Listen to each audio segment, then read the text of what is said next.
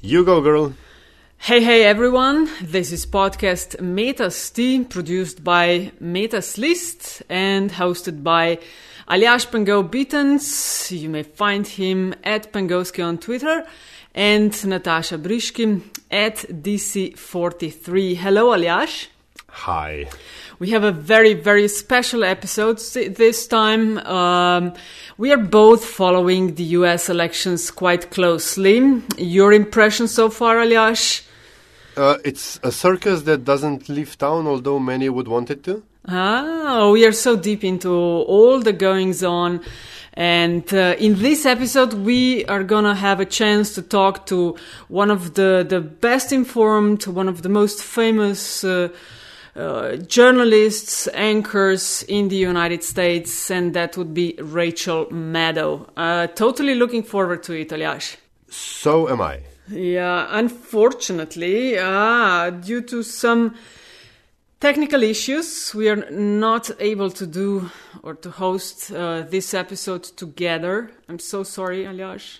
Yes, I know. My heart breaks. You'll make it up to me the next time round, okay? Totally. And you uh, give me some of uh, the hints onto what to ask, so I will definitely yes, it forward was a, this. a collaborative effort, yada, yada, yada. But as always, uh, you take all the credit. No, I'm kidding. No, no, no, no. We are Uh, both. Yeah, I know, yes. Yeah. But uh, no, seriously, it was a technical issue that prevented our usual three way interview. But um, such is life, you know. Sometimes the bear gets you, and sometimes you get the bear, and sometimes you're the donkey or you're the elephant, and yay, Sometimes- election 2016. and sometimes bear eats you. That's. Do you use Slack? They have No. this. Yeah, they have this. Sometimes you eat the bear, sometimes bear is, eats you, or something like you, that. do you do you know where that comes from? Uh, no, but you do, I Yeah, guess. Yes, uh, I I mean, at least I hope it's a reference to an episode from Star Trek: The Next Generation. So Ah, you are a Star Trek fan, I know. Okay, so now let's go to the episode. Again, you may find us on Twitter at Metinalista, at Pengovsky, or at DC43. Thanks so much uh, to all of you who are sharing and liking uh, our work, uh, and uh, to all of you who contribute uh, in other ways as well. Thanks to you, we uh, are able to do it, uh, to do the podcast and to produce it at such rate and with such an amazing guest. So thank you all. This is for you. News anchor, political commentator, and TV host Rachel Maddow, welcome to Metas No, thanks for having me. I'm super happy to be here. I have never been on Slovenian media before, as far as I know. Oh, and I've never interviewed Rachel Maddow. so we're both new to this. That's very good. I was still living in the US when you started your own show on MSNBC. Congrats for all you've done. Amazing success. It's really an honor to have you as a Oh, guest. Thank you. Thank you very much. I feel very lucky to have this job, so thank you. I know it's very busy time for you with the election cycle. Do you get any sleep these days? It's a vice presidential debate tonight. The vice presidential debate is tonight. It's funny. I actually blocked off time to sleep last night because I know that we're going to be on until like way past midnight tonight, and it's going to be you know five or six hours on the air. But I'm I'm actually so excited for the debate that my eyes just popped open two hours before my alarm went off, and I laid there in bed trying to go back to sleep, and I just I couldn't. So I I just got up and started reading old debate transcripts. I couldn't. I can't. I'm too excited to sleep. I figure I'll sleep in December. Yeah, you know, we are all excited in Europe as well, and in Slovenia in particularly also. So we're going to talk uh, about US elections, the state of the media, and a little bit about Melania. There is a Slovenian connection with uh, this year's cycle. But first things first. Uh, United States, it's like 320 million people. Two biggest parties nominated, uh, unpopular candidates of like historic proportions. One highly qualified, but uh, uh, being on a national scene for like three decades. The other, a total sort of rookie and a serial liar. Uh, what is going on?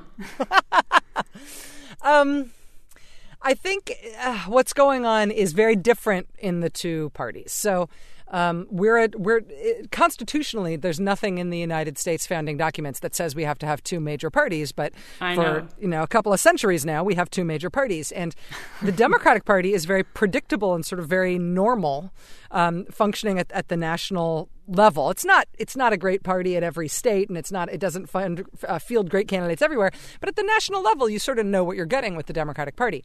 The Republican Party conversely is normal in some states and is you know normal in some parts of the country and is running people. But at the national level they've completely collapsed.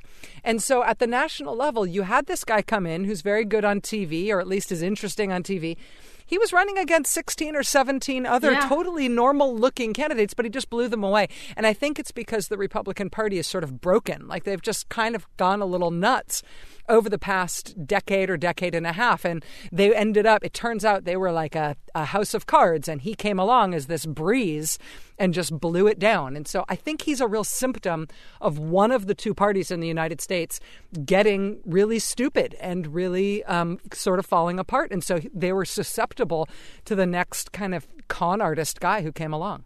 Mm, you think it's it's connected to the rise of the Tea Party? And I remember when McCain, it was in 2008, he uh, nominated, or he got like uh, his vice presidential candidate was Sarah Palin.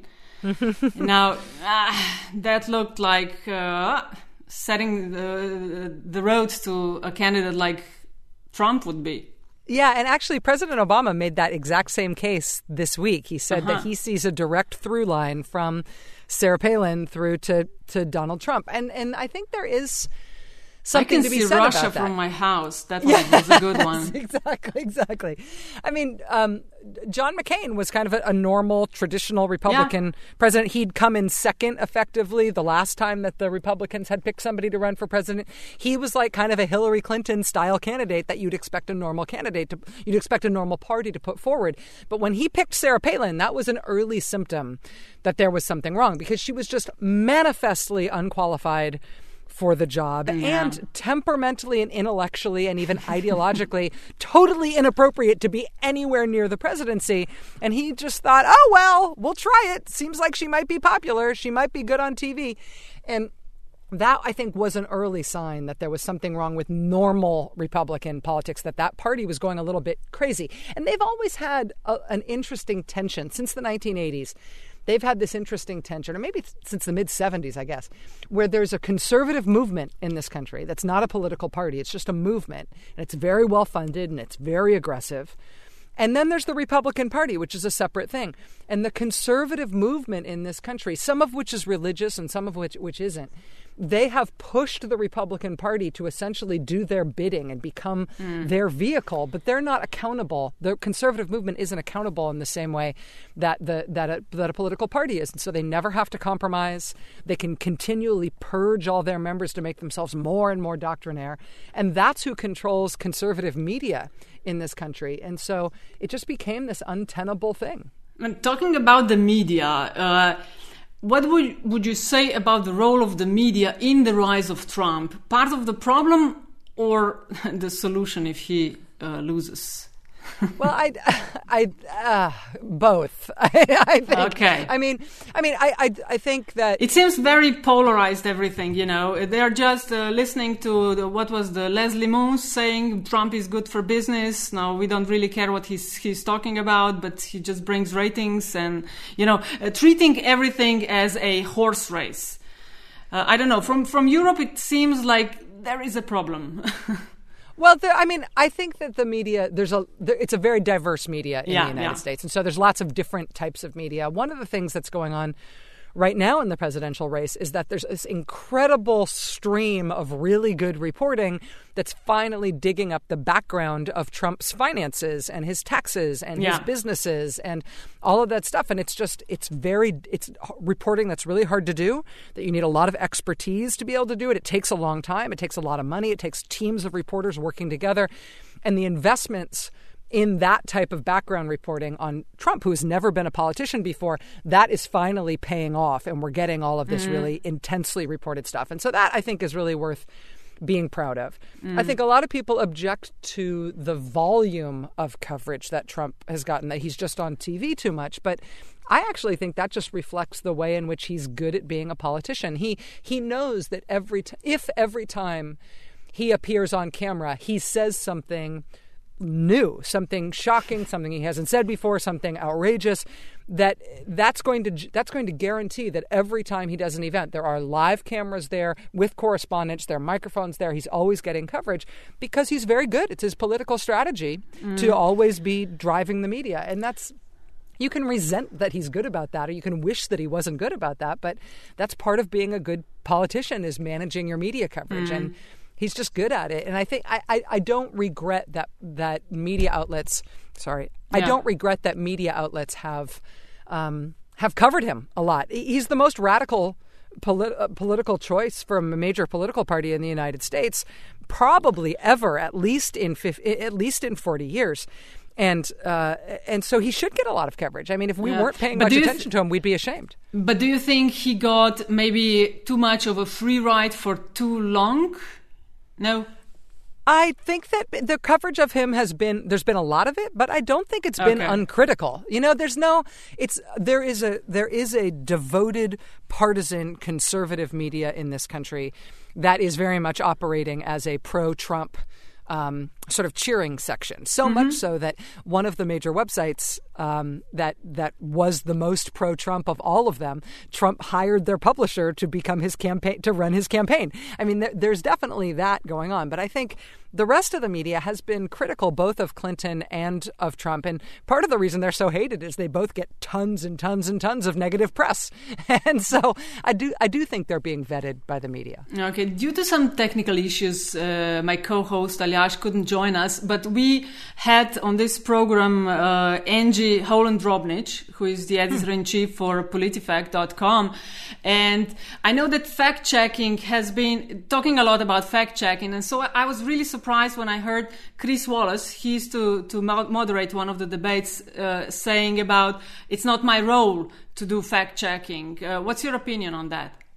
It's an inch. I mean, I am. I do not envy any of the people who have Yeah, the job of moderating one of these debates this year. I mean, you've got such a target on you. Um, and you know, and whoever loses the debate will blame the moderator, and then they'll get blamed for being either liberal or conservative, depending on who lost the debate. Blah blah blah. In terms of fact checking, though, I, I mean, I think Chris Wallace is actually a very good journalist, and he, he works for Fox Fox News, which know, is yeah. more conservative and I'm more liberal, but I even with that I think he's a, a good journalist. I think he's been very solid in all of the debates he's ever moderated in the past. I think he's uncompromising and he doesn't get pushed around by anybody and I expect that he's going to do a good job. That said, there is a, there is a, a fine line to play when you're the moderator, if especially when you're moderating just between two candidates.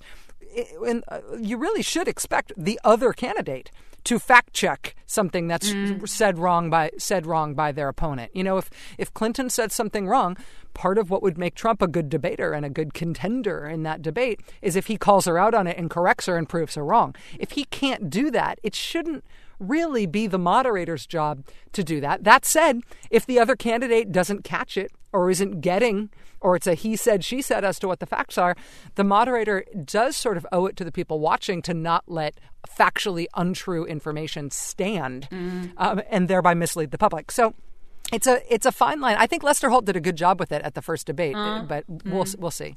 Yeah. Your show, Rachel Maddow show, is kind of huge among progressives. Uh, help me if if it can be said in a couple of sentences. Uh, will the progressive show for for Clinton? Because it's not, you know, the elections aren't just about who votes, but also who doesn't vote. And you hear a lot about uh, trying to to pun, uh, not liking Trump and neither Clinton, and then trying to punish them by voting Johnson. What do you think will come out? I honestly don't know. That's kind of that's going to Uh. be the that's going to be the question that decides the election. I mean, um, and it's not everywhere. You know, I mean, in some states. It's not going to be competitive. And so if you're a liberal and you live in Idaho, it's probably not going to matter whether or not you vote because Trump's going to win Idaho no matter what you do. But if you're a liberal and you live in North Carolina and you don't vote, you your personal decision might mean that Donald Trump is elected president. Yeah. So it's you have to the psychology of people um, you know, Hillary Clinton, for whatever reason, does not excite people to go vote in the same way that Barack Obama did.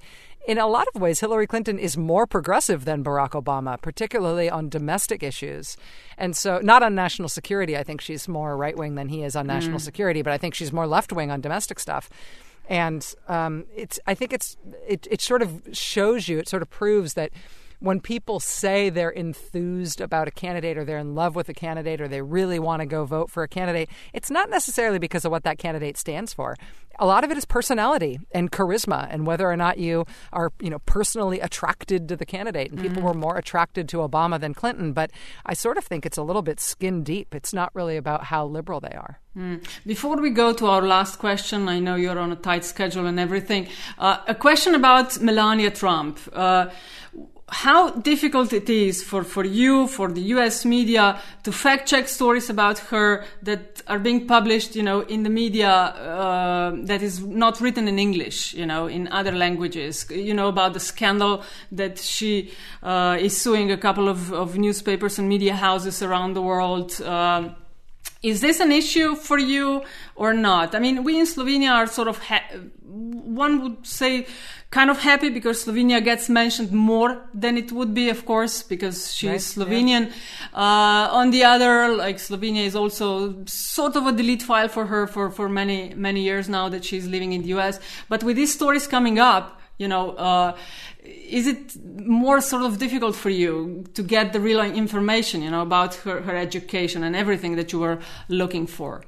It's you know it's a very very interesting question because and it's complicated because on the one hand her history and her immigration history and her work history and her financial history should all be relevant, should all be newsworthy and relevant and fair game because of the because of what Trump is campaigning on. I mean, when he's talking, the way he talks about immigrants and the way he talks about exactly. immigration yeah. and everything, it really should put her personal story front and center. At the same time, I think people feel like they don't necessarily want to go after her. Like I think people feel like you know, they don't necessarily want to make her a target politically because she's his wife. She's not a politician herself. Hillary Clinton doesn't have that same benefit because her husband is a former president, and so people mm. are always going to go after him. But there's a little bit of sensitivity, I think, around this idea that she's not the political figure and that her history, we should sort of, I don't want to say go soft on it, but sort of give her the benefit of the doubt and leave her out of it. Mm. Um, if it starts, it'll be interesting to see over these next four and five weeks if it starts to look like Trump really might win.